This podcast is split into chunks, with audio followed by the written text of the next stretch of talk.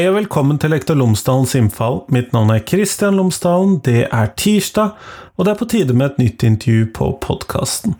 Denne gangen så snakker jeg med Monica Helland Tøsse, og vi snakker om jenter og autisme. Og tradisjonelt så har jo ofte dette med autisme, autismespekterdiagnoser, blitt oppfattet som en mer sånn guttete greie. Men dette stemmer jo ikke, men selvfølgelig, men eh, hvordan skiller da autisme hos jenter og typiske trekk hos jenter seg fra autisme hos gutter og typiske trekk hos gutter, og hva er det vi trenger å tenke på, hva er det vi trenger å eh, gjøre annerledes, er det noen ting vi trenger å gjøre annerledes? Og dette er det som er målet mitt å finne ut i denne episoden. Og da snakker jeg jo da som sagt med Monica Helland Tøsse, hun er stipendiat og høyskolelektor ved Universitetet i Bergen og NLA-høgskolen. Ellers, podkasten er som alltid sponset av Fagbokforlaget, som utgir bøker og digitale læremidler for hele utdanningsløpet, fra barnehage til høyere utdanning og profesjonsstudier, og norsk for minoritetsspråklige. Og Fagbokforlaget kommer stadig ut med nye relevante læremidler, så følg med på fagbokforlaget.no. Og I dag så skal jeg fortelle om en ny utgivelse, Utdanning for tverrfaglige mål. Og I lærerutdanningen så jobbes det med fagovergripende temaer, akkurat som i skolen, bl.a. digital kompetanse, forsknings- og utviklingskompetanse og mangfoldskompetanse. Og disse tre fagovergripende kompetansene er det som er omdreiningspunktet for denne boka, så sjekk ut den på fagbokforlaget.no. Utdanning for tverrfaglige mål, altså. Men nå kommer intervjuet med Monica. Vær så god.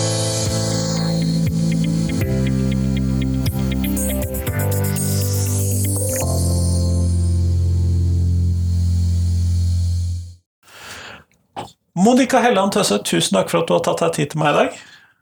Tusen takk for at jeg fikk komme. Det er veldig kjekt å være her.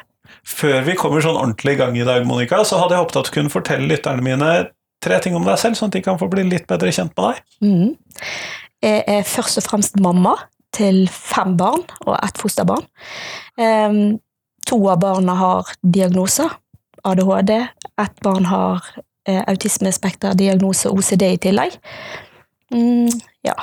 Eh, jeg jobber som lektor på NLA høgskolen i Bergen. Har et års permisjon for å drive Glad barndom, der jeg gir råd og veiledning til familier og til barn og unge med ulike typer eh, diagnoser eller bare andre problemstillinger. Mm. Kjempeflott, tusen takk. I dag så skal vi snakke om jenter og autisme, og her så er det jo eh, mye rart å se på. Men når du da snakker om autisme, hva er det vi da snakker om? Du vet, I diagnosemanualen så definerer en autisme som en utviklingsforstyrrelse. Eh, og for meg så jeg har ennå ikke møtt noen med autisme som jeg ser på som forstyrra. Eh, men de kan ha fått en eh, vanskelig utvikling fordi at omgivelsene ikke har tatt høyde for at de har en annen type opplevelse eller en annen type forståelse av verden. Eh, så for meg så blir utviklingsforstyrrelse helt galt å si om denne gruppa. Likevel så må vi bruke det for å definere det, fordi det er det diagnosemanualen forteller oss at vi skal ramme det inn som. Ehm, de jentene, og guttene òg, som jeg har møtt, eh, har vært høyst eh, oppegående. Ikke forstyrra, altså sånn i psykiatrisk betydning, eh, men har hatt ganske krevende og trøblete år før diagnosen har blitt stilt. Nettopp. sånn at det er jo I dagens språk, i dagens diagnosemanual, så er dette da en neuroutviklingsforstyrrelse, men du ser på det som en mulighet for at i løpet av en viss tid så vil dette være ansett som en del av normalen. Forstår jeg deg riktig da? Ja, du forstår meg veldig riktig. Når etter hvert som eh, vi får mer kunnskap om diagnosen, og etter hvert som jeg mener at samfunnet må ha plikt på seg til å gi en bedre tilpasning for å inkludere. Vi snakker jo veldig masse om inkludering og tror vi har et inkluderende samfunn. Eh, og samtidig så snakker vi om vi og de, som er eksklusjon bare i seg sjøl.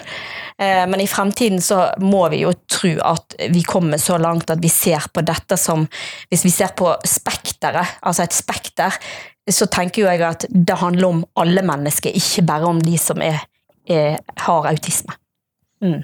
Nettopp. Og når vi da skal snakke om denne gruppen i dag, eller de av oss som i, kan få denne diagnosen i dag, så er det primært sett de som f.eks. Det er jo noen med autismediagnose som ikke har et språk, f.eks., eller som går i veldig tilpassede skoleopplegg. Det er ikke der vi primært sett er i dag. Nei. Eh, du vet, autisme kan man ha i kombinasjon med utviklingshemming. Eh, eller man kan ha det i kombinasjon med hvis vi skal snakke om IQ, som jeg ikke liker så veldig godt. Men eh, hvis man Igjen har et begrep som er etablert. Eh, så vi må på en måte formulere det på denne måten. Man kan ha utviklingshemming, eller man kan ha IQ på 180 sammen med autisme. Så jeg tenker det er veldig stor variasjon og veldig stor ulikhet innenfor det vi definerer som eh, mennesker med autisme. Så man kan på en måte ikke snakke om dette som en heterogen gruppe eller vi kan ikke eh, homogen gruppe. Vi må snakke om det som en heterogen gruppe på akkurat samme måte som eh, vi snakker om alle mennesker. Det er en del av en gruppe, det er en del av verdens befolkning. Eh, så når de snakker om spekteret på en måte liker jeg det, fordi at vi kan eh, sette vanskegraden inn i en slags Altså en hva skal vi si, en tellekant. Eh, at en kan gradere hvor store vansker en har, hvis spekteret skal være eh, formulert på en sånn måte, eller forstås på en sånn måte. Så er det greit, men hvis en tenker om autismespekteret som et spekter kun for de som har autisme, så er jeg ikke så sikker på om jeg er enig i den betegnelsen. Og Et eksempel på det kan være at man kan ha femmere og seksere i alle fag, og likevel har ganske store utfordringer sosialt og kommunikativt. Og hvor på spekteret er en da? Eh, veldig mange av de som jeg hjelper, er jenter som er akademisk gode, men som det trøbler seg veldig til i ungdomsskolealder eller videregående. Og hvor på spekteret skal vi plassere de da? De, hvis vi eh, definerer de som høyt fungerende, fordi de har femmere og seksere, så kan vi komme veldig skjevt ut, for at de kan streve veldig på andre områder. Eh, men skal vi kalle de lavtfungerende, så assosierer folk det med utviklingshemming. Så det høres ut som vi trenger mer enn ett spekter. yes. Eh, og jeg tenker spekteret handler vel om alle mennesker, gjør det ikke det? Vi kan la den stå og henge i luften. Ja. Eh, fordi at du har jo nå begynt å komme innom da temaet som er relevant for i dag. og Hvorfor er det et poeng for oss å snakke om jenter og autisme som en samtale? Um, du vet, diagnosekriteriene er basert på gutter sin atferd på 40-, 50-, 60-tallet. Eh, altså gutter med autisme. Um, og vi ser i dag at jenter kan ha en annen eh, profil, hvis en kan si det sånn. Det kommer til uttrykk på en annen måte hos jenter. Eh, og der vil jeg understreke igjen, eh, med forsiktighet, det er mange som tenker at jenter er ei gruppe og gutter er ei gruppe, men det viser seg at gutter kan ha jentevarianten, altså ha samme, det kommer fram på samme måte hos en gutt eh, som hos ei jente. Og da vil de òg få seinere diagnose. Men da at diagnosekriteriene er basert på hvordan det kommer fram hos de guttene, da, det vil si at eh, f.eks. så ser en på særinteresse hos gutter kan være mer sånn type eh, dinosaurer, eh, verdensrommet, kart, tog, tog tabeller ja, sant? Og, Mens hos jenter så er det gjerne andre mer sånn type i hermetegn normale interesser, det vi definerer som normalt, som det å være veldig interessert i hester, eh, i animasjonsfigurer, det, det å eh, ha Barbie som særinteresser. Det vil jo selvfølgelig ikke bli oppdaga på samme måte. Det vil ikke bli sett på som et problem at ei jente bare vil leke med Barbie. Mens en gutt som bare vil ha dinosaurer, det er plutselig problematisk. Sant? Så gutten vil da bli oppdaga tidligere enn jente. Og så ser vi òg at jenter eh, tilsynelatende ser ut til å ha en bedre evne til å kopiere andre sin oppførsel ganske tidlig. Faktisk de jentene jeg snakker sammen med, eh, som jeg hjelper. Veldig mange av de, nesten alle, sier at allerede i barnehagen så kan de huske at de følte seg annerledes. Eh, og at de leter etter hvordan skal jeg oppføre meg, hvordan skal jeg være sammen med de andre. Og da så de utover, de kjente ikke innover. De så ut på de andre jentene hvordan de oppførte seg, og så bare kopierte de. Eh, og da, Sånn kan jenter kamuflere seg, og jenter lærer seg ofte å være stille, sitte fint, sånn at de her symptomene kommer ikke til syne på samme måte. Og I tillegg så spekulerer jo forskning i om jenter faktisk er tidligere moden, altså har en bedre kommunikasjon, har en bedre sosial fungering.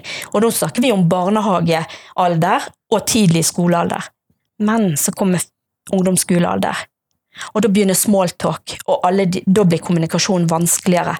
Plutselig så går det opp et nivå i Yes.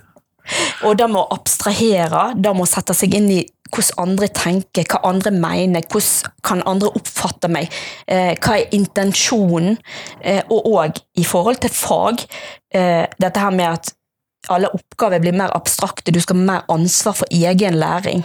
Du får ei oppgave, og det er ikke nok å skrive bare konkrete svar, sånn type pugg-svar, som de ofte er veldig veldig gode på, de her, både jentene og guttene.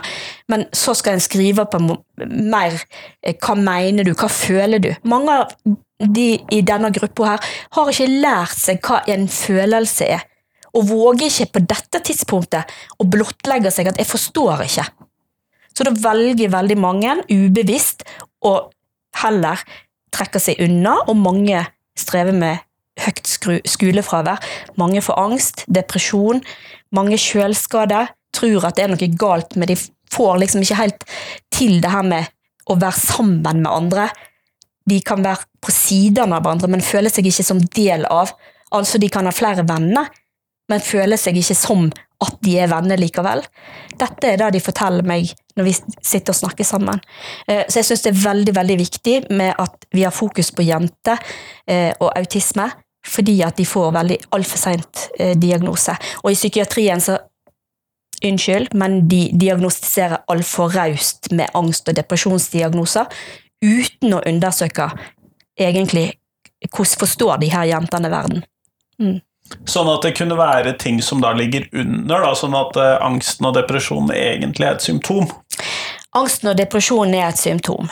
Eh, og dette kan kanskje virke provoserende fordi jeg er spesialpedagog eh, og ikke psykolog, men det er jenter som har kommet til meg med eh, angst- og depresjonsdiagnose, eh, faktisk òg fått diagnosen psykose, og som absolutt ikke har eh, de diagnosene i hele tatt, men det har vært autisme som, som har ført til at angsten, det var egentlig redsel, som jo er normalt. Er ikke det ganske normalt? Hvis du er redd i en sosial forsamling, så trekker du deg gjerne unna, og de har ikke samme sosiale behovet, kanskje heller. Kanskje de har et litt annerledes sosialt behov, kanskje de liker bedre interaksjon med én enn med mange. Eh, Kanskje trekker de seg unna gruppearbeid, og så definerer en det som sosial angst, presentasjonsangst, altså mange typer angst, som egentlig, når en forstår at det er autisme, så kan en ta hensyn til det, og legge opp til kanskje interaksjon med én til én. Og da er det ikke en angst lenger. Det er jenter som sitter og sier 'jeg trodde det var angst', men jeg forstår at det var aldri en angst. Samme med depresjon. Eh, hvis en går rundt og føler at en ikke er akseptert, ikke føler seg på høyde med de andre, det er noe som jeg ikke forstår, men jeg veit ikke hva. Ville du ikke blitt deprimert kanskje litt du òg, da? Det er i hvert fall en viss fare for Ja. det, hører jeg. Mm. Samme med spiseforstyrrelser, det er en ting som jeg òg vil bare trekke kjapt inn her. Um, mange av de jentene her blir definert å ha spiseforstyrrelser. Eh, når de kommer til meg, så er det et av de første spørsmålene jeg stiller de, det er uh, hvordan har matvanene til dette barnet vært, uh, eller denne ungdommen vært, helt fra, fra starten av. Og det viser seg ofte at det har vært trøblete med ulike typer mat, fordi en har sensoriske vansker, altså på smak eh, og på lukt. Eh, så barn har, barna har kanskje vegra seg veldig tidlig for enkelte matretter, og det har kanskje blitt verre etter hvert. Og så til slutt så utvikler det seg til noe som vi definerer som en spiseforstyrrelse. Men hvis en tar høyde for de, denne eh, sensoriske utfordringen som de har, så er det kanskje ikke en spiseforstyrrelse. Mm, Igjen et symptom, kanskje. Ja, nettopp. Eh, Og hvis jeg da forstår deg riktig, så er det vesentlig færre jenter som får autismediagnoser enn gutter. Ja. Eh, nå håper jeg at vi skal virkelig i de årene som kommer nå, få øynene opp for at eh, det er faktisk ganske mange jenter som altfor seint får diagnose. Eh, så jeg håper jo at det er en endring på gang, og jeg kjenner meg jo litt del av den endringsprosessen, da. For det er ganske mange som henvender seg til meg, og vi, sammen så eh, prøver vi jo å motbevise at det er autisme, for det er del av min jobb. Hvis de kommer til meg med en antakelse om at denne ungdommen har autisme, eller kanskje ingen antakelse, så er det jo eh, I og med jeg driver med forskning, så har jeg jo fått opplæring i at eh, en har en antakelse, men da skal en prøve å motbevise den. Um, men hittil så har jeg sendt ganske mange som er feilbehandla i psykiatrien, i DPS og i BUP-systemet, har vært igjennom flere utredninger, eh, men som likevel viser seg at har autisme. Og det er jo ikke fordi at jeg sier de har autisme, jeg stiller jo ingen diagnose, men vi samler da på um, symptom som kan forklare skole, ufrivillig skolefravær, eh, spiseutfordringer, eh, angst, depresjon, andre problemstillinger. Og så, eh, så blir det jo videre henvist til en psykiater som kan utrede. Og det er jo en nøytral person som ikke kjenner meg og ikke kjenner ungdommen. Eh, og den utredningen er ikke gjort på en dag. Nei, det tar en stund. Det tar en stund. Eh, så det, det er ikke en sånn easy-peasy sak å få en autismediagnose. Det er grundig arbeid. Men de jentene som jeg har hatt hos meg, de har sagt at jeg skulle ønske jeg fikk diagnosen tidligere. Mm. Og da er jo dette et ledende spørsmål, men eh, klarer vi å være oppmerksomme nok i skolen på å fange opp både gutter og jenter med eh, som da kunne hatt, burde hatt en autismediagnose? Absolutt ikke. Eh, det er altfor lite kunnskap i skolen om autisme i dag. Selv de skolene som hevder at de har god kunnskap om autisme, vil jeg påstå har ikke det. Eh, en må forstå det på et dypere plan enn det en kan lese seg til. Eh, for hvis en forstår det ut ifra en kommunikasjonsvanske, ut ifra en sosial vanske og ut ifra en rigid oppførsel, så vil ikke det komme til syne i en skolesammenheng, for en må ha dybdekunnskap. F.eks. i kommunikasjon. Ei jente kan stå godt sammen i en flokk, eh, og de kan prate. Og det her med øyekontakt, som òg er veldig Det er på en måte et symptom eh, som diagnosemanualen har for autisme. De her jentene her, de har lært seg, de, og guttene òg, for så vidt noen av de, har lært seg at øyekontakt det er noe man har. Så de har lært seg og tvinger seg til å se eh, på en person. Ei jente som jeg snakker med, hun sier jeg teller til tre, og så ser jeg på personen, så teller jeg til tre inni meg, og så ser jeg bort. Det er naturlig. Så hun har lært seg hvor lenge hun skal se på en person. For å ikke stirre? Og ikke... Nettopp. nettopp. Eh, så det eh, å lete etter sånne symptomer når en er ute og observerer eller lærer i møte med elever, eh, kan slå helt feil. For de her jentene og noen av guttene er veldig veldig gode på maskering. Ja, for det var et begrep jeg nå skulle spørre deg om. Mm. Og det er da denne typen oppførsel, at man later som at man ikke har. Ja, men det er viktig å understreke maskering er ikke bare en tilpasning. Eh, fordi når jeg kommer her til deg, så kan jeg tilpasse meg denne situasjonen og være på en podkast. Det kan jeg velge. Det er et bevisst valg. Vi skal snakke om dette temaet. Eh, da kan, må jeg hemme visse ting som jeg òg kunne tenkt meg å snakke om. Eh, ikke sant? Og så holder vi oss til dette temaet. Mm. Så det er en bevisst handling. Det samme når jeg er på jobb, sitter sammen med eh, kanskje professorer, så tilpasser jeg meg. Jeg maskerer ikke. Jeg kan være meg sjøl. Eh, maskering handler jo faktisk om at eh, en tidlig, ubevisst, begynner å søke ut etter hvordan andre ønsker at jeg skal være. Hvordan ønsker du at jeg skal være? Hva ønsker du at jeg skal svare? Som en slags pleasing, men en gjør det helt ubevisst. Og etter hvert som en blir eldre, hvis en får holde på med det her og bare lete etter svar ute hos den andre på hvordan jeg skal være, så mister en jo en del av seg sjøl. Så disse jentene, for å snakke om de, da, de har jo mista sin egen personlighet og må lete etter hvem er jeg? Det er der vi starter ofte etter at de har fått diagnose. Hvem er egentlig jeg?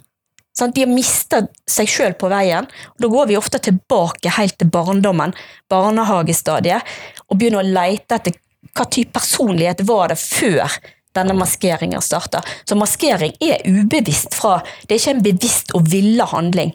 Det er, ikke, det er faktisk ikke en handling, det er bare en overlevelsesstrategi, vil jeg si det. Mm. Og det gjør det jo krevende å skulle oppdage disse blant elevene våre, at de da blir gode på maskering, da. Ja, det er veldig vanskelig. Likevel så er det et voksent ansvar. Eh, derfor er det veldig viktig med samarbeid med foreldre. Eh, alle foreldre som kommer til meg, sier at de har forstått at det var noe med dette barnet. Men så tilpasser foreldre seg veldig, veldig godt til barna sine i de fleste tilfeller. Eh, jeg møter veldig mange gode foreldre som gjør alt for barnet. Og så har du òg et kriterium i diagnosemanualen, og det er at utfordringene skal vise seg på to arenaer. Ikke sant? Så hvis det funker hjemme, men ikke på yes. skolen, så har du ikke autisme? Eller motsatt. Hvis det funker på skolen, der barnet maskerer, men ikke hjemme, der barnet endelig kan være seg sjøl og kanskje utagere, for det blir så fortvila og så frustrert at en plass så må det komme harde ord, og det må komme kanskje slag, eller at de isolerer seg på rommet, for det har vært så overload når de var ute. Så har du det ikke på to arenaer. Men du har jo det. Ser du den? Du har ja, ja. maskering på den ene, og så har du Men du har to forskjellige reaksjoner? Du har to forskjellige reaksjoner. Mm. Det høres ut som det gjør det kompliserende å få til den diagnostiseringen. Da. Ja.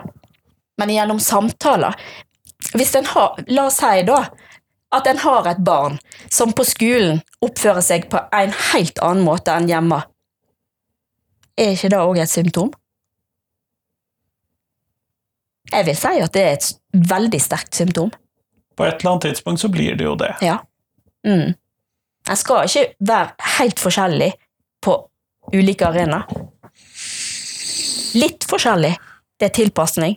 Ja. Men veldig store forskjeller, tenker jeg, det er ikke helt bra.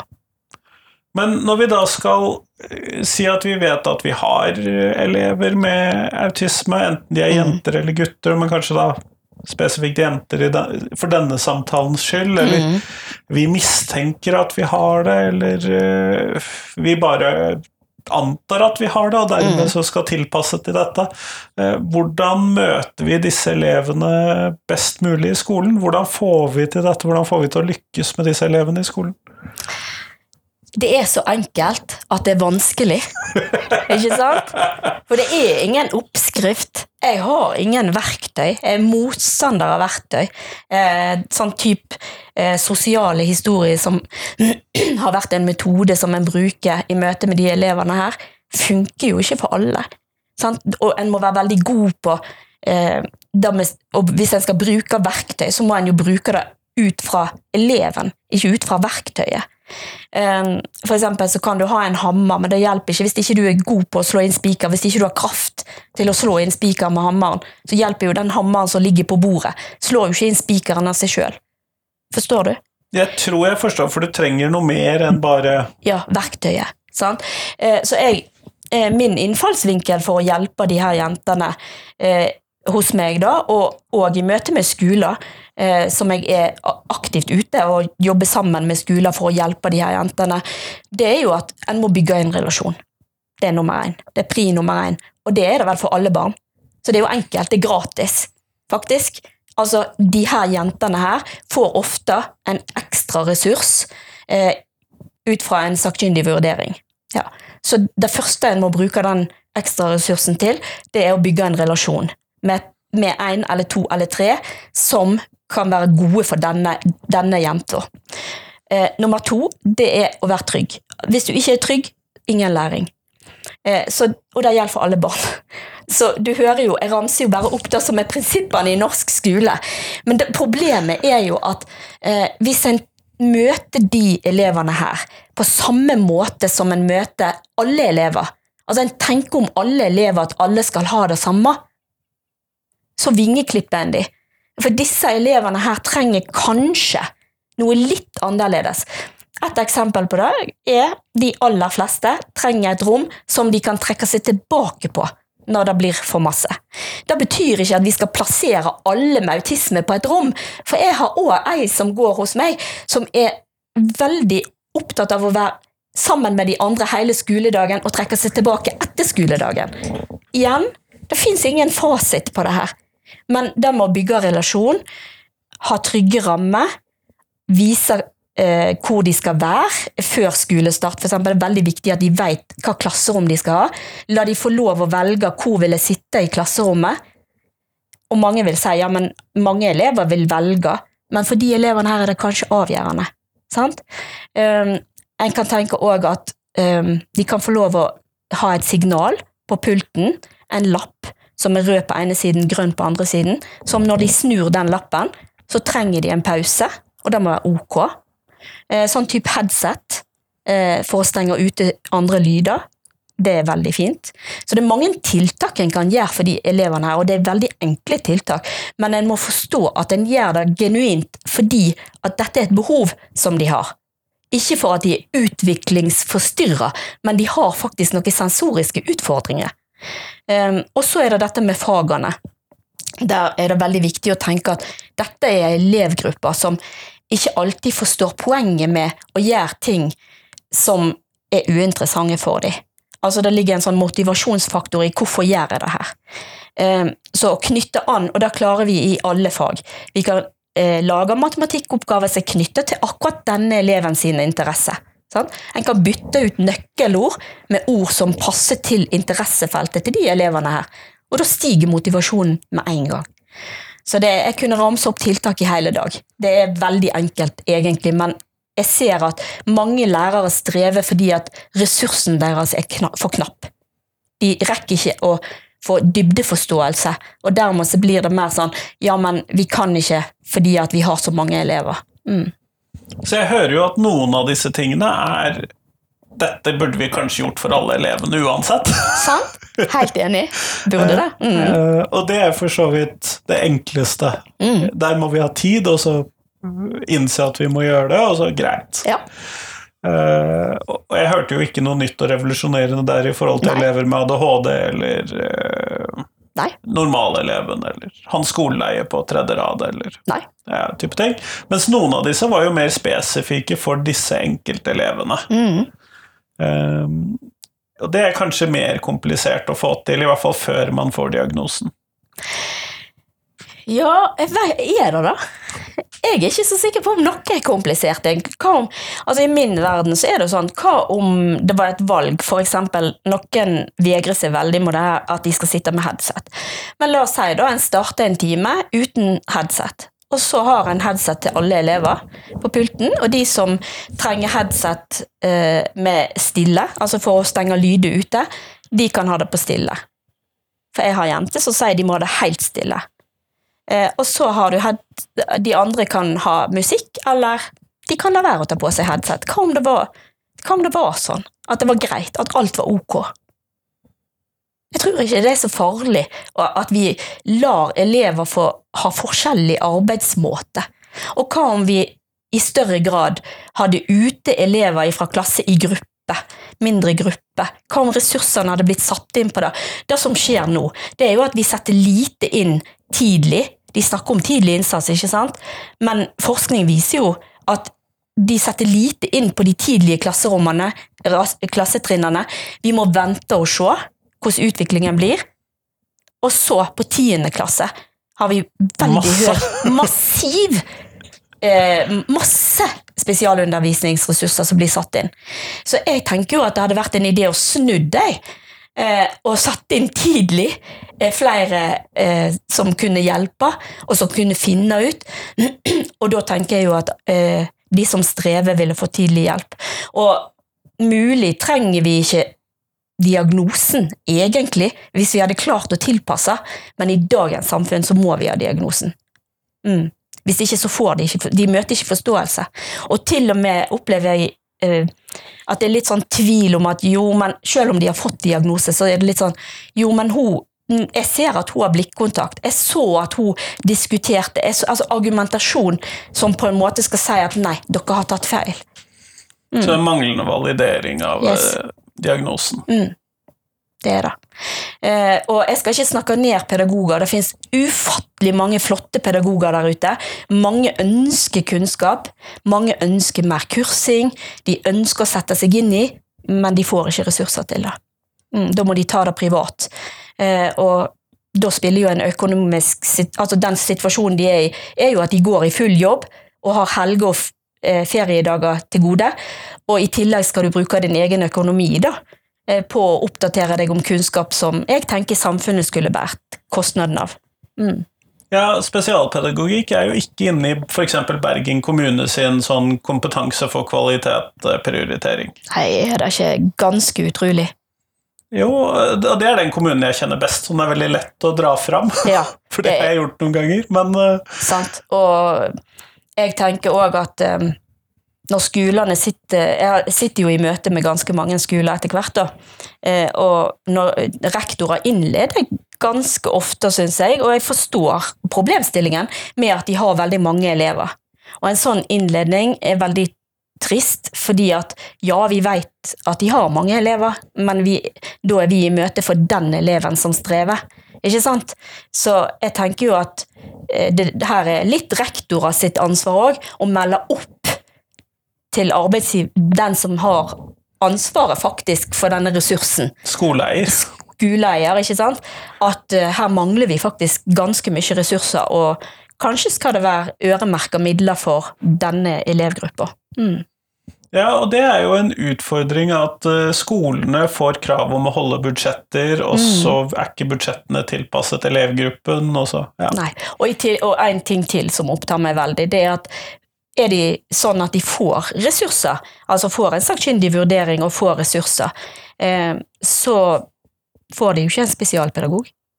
De får jo gjerne en assistent som ikke har utdannelse. Mm, veldig ofte. Hovedparten får en assistent, og det finnes mange gode assistenter, så jeg er absolutt ikke imot det, men de har ikke dybdekunnskap, og de har ingen utdanning innenfor spesialpedagogikk. Og så er det òg en kritikk til min mitt eget felt, ikke sant? Eh, lærerutdanninga og utdanning i spesialpedagogikk. Hvis du tar utdanning eh, i spesialpedagogikk, så har du gjerne i et mastergradsstudium hatt tre til seks timer om ADHD og tre til seks timer om autisme, og resten må du lese deg til. Det er ganske lite, er det ikke det? Det kalles en intro, det. Sant? Så um, ja, en spesialpedagog trenger absolutt ikke ha eh, dybdekunnskap om autisme eller ADHD. Kan ha dybdekunnskap om helt andre ting som òg er verdifulle. Eh, men for denne elevgruppa her, så er det helt nødvendig med kunnskap. Mm. Kjempeflott. Du, vi går mot slutten av dette intervjuet, Monica, Mm. og da har jeg et spørsmål som jeg stiller til alle for tiden, og det er hvilken lærer har gjort størst inntrykk på deg, og hvorfor det? Eh, jeg har hatt en lærer som Kan jeg få lov å si to? Ja, de fleste gjør det av en eller annen grunn. Ja, eh, fordi eh, jeg, jeg hadde en lærer som heter Leif Vatle på barneskolen. Han gjorde et veldig veldig sterkt inntrykk på meg. Eh, han brukte fortelling som en innfallsport, og han traff alle elever. Eh, jeg vet i dag, når jeg ser tilbake på min eh, klasse, eh, at jeg hadde nok elever rundt meg, altså medelever rundt meg, som var innenfor autismespekteret, eller som hadde ADHD. Denne læreren her tok oss med ut i naturen og gjorde historiefortelling av alt. Og vi lærte, jeg husker i dag, alt jeg lærte av han. Um, det samme en som heter Ivar Elvik, dette var på barneskolen. Han hadde i matematikk, gjorde det på akkurat samme måte, tok oss med ut i naturen, viste oss. Det ble visualisert, og han knytta det an til enkeltelever sin, eh, sitt utgangspunkt. Eh, vi var trygge på de to eh, lærerne her. Alle snakker om de to lærerne her når vi møtes eh, til sånn skole... eh, så ja. sant? Eh, Så dette er lærere som faktisk var veldig forut sin tid. Dette var jo på 70- og 80-tallet. Eh, Så flotte lærere. Og hvis med uten kunnskap om autisme eller ADHD, men som bare så meg og alle mine medelever for den som de var. Mm. Kjempeflott. Tusen takk for at du tok deg tid til meg i dag, Monica. Tusen takk for at jeg fikk komme.